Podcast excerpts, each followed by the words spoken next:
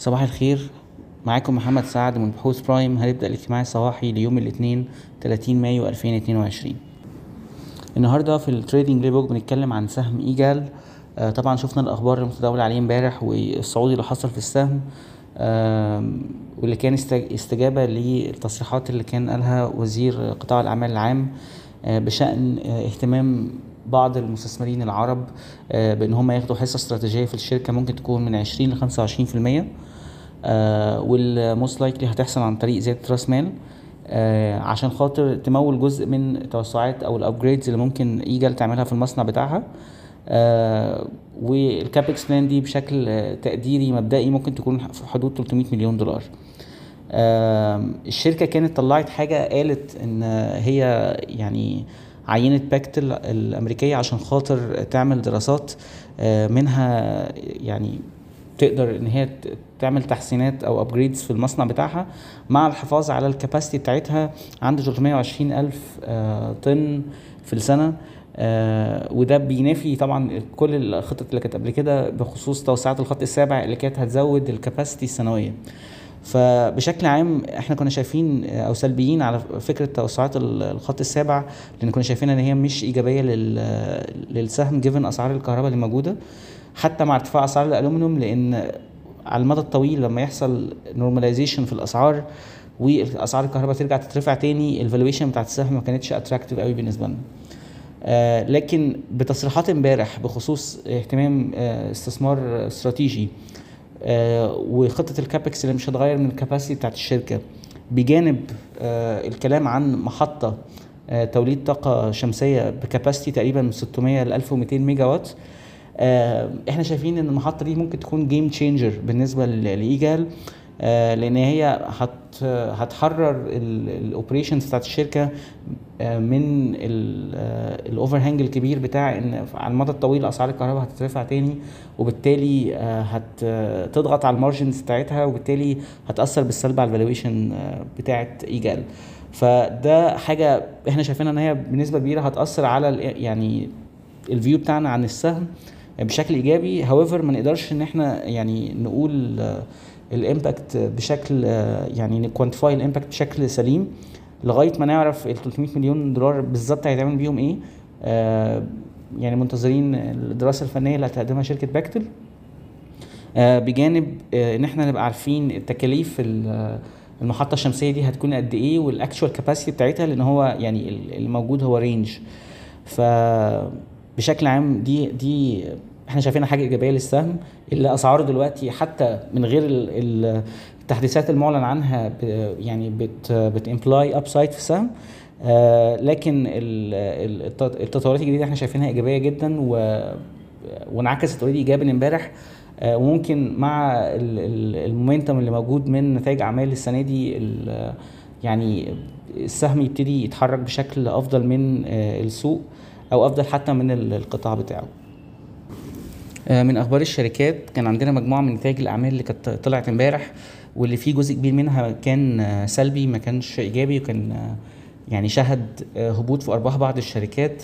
بنتكلم النهارده عن MM Group اللي ارباحها في الربع الأول 2022 نزلت 60% سنة على سنة ل 51 مليون جنيه.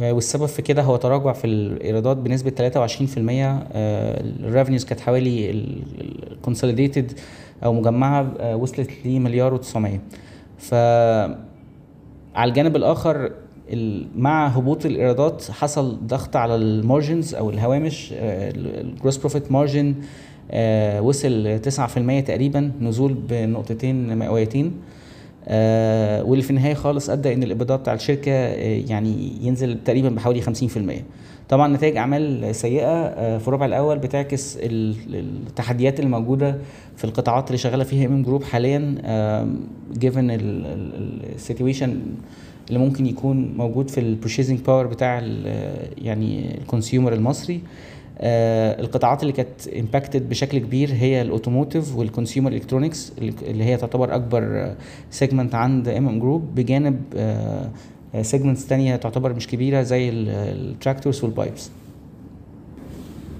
برضو من نتائج الأعمال اللي كان فيها ضعف كان كليوباترا hospital آه، مستشفيات كليوباترا في الربع الأول 2022 أرباحها نزلت بشكل مش كبير بنسبة 5% آه، برغم إن الايرادات بتاعتها ما, نزلتش تقريبا كان في growth ممكن نقول إن هو flat تقريبا واحد في المية.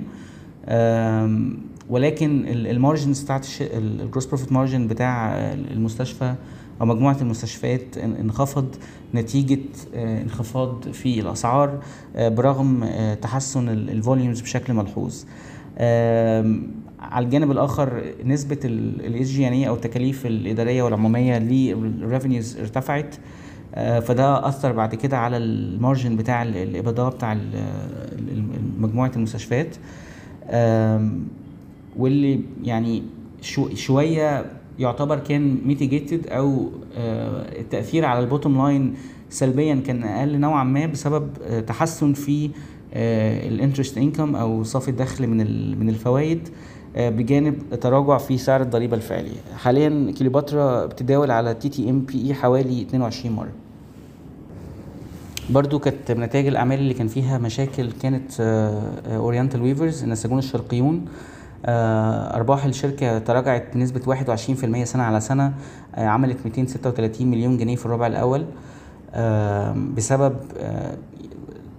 ال margins بتاعت الشركة كان فيها مشاكل بسبب ارتفاع أسعار ال raw materials وبالأخص طبعا البولي بروبلين على الجانب الآخر الإيرادات ارتفعت بشكل ملحوظ بنسبة 18% سنة على سنة لكن آه، ارتفاع التكاليف آه، الإنتاج آه، اللي أثرت على ال margins بجانب ارتفاع في نسبة ال SG&A أو التكاليف الإدارية والعمومية نسبتها للإيرادات ارتفعت. بجانب إن كان في خسائر فروق عملة بحوالي 65 مليون جنيه ده كله أدى إن الأرباح بتاعت الشركة تنخفض بنسبة 21% سنة على سنة. يمكن من نتائج الأعمال اللي كانت كويسة كانت ماكرو جروب اللي كانت عملت آه، أداء قوي جدا على مستوى ال bottom line أو الأرباح. آه، الشركة عملت 31 مليون جنيه في الربع الأول ده نمو سنة على سنة حوالي 182% آه، السبب في كده هو تحسن واضح في ال revenues بنسبة 14% نتيجة تحسن في الأسعار وتحسن في ال volumes آه، اللي ارتفعت بنسبة 2% سنة على سنة. آه، دي كانت معظم الأخبار اللي عندنا النهاردة.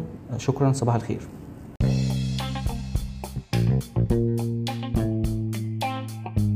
يرجى العلم أن هذا العرض هو لأغراض معرفية فقط. ولا يمكن اعتباره عرض أو توصية شراء أو بيع أو إدارة استثمارات أو خدمات استشارية. ينصح باستشارة مستشارك المالي قبل اتخاذ أي قرار استثماري. الأداء التاريخي ليس مؤشرًا يعتمد عليه لتحديد الأداء في المستقبل.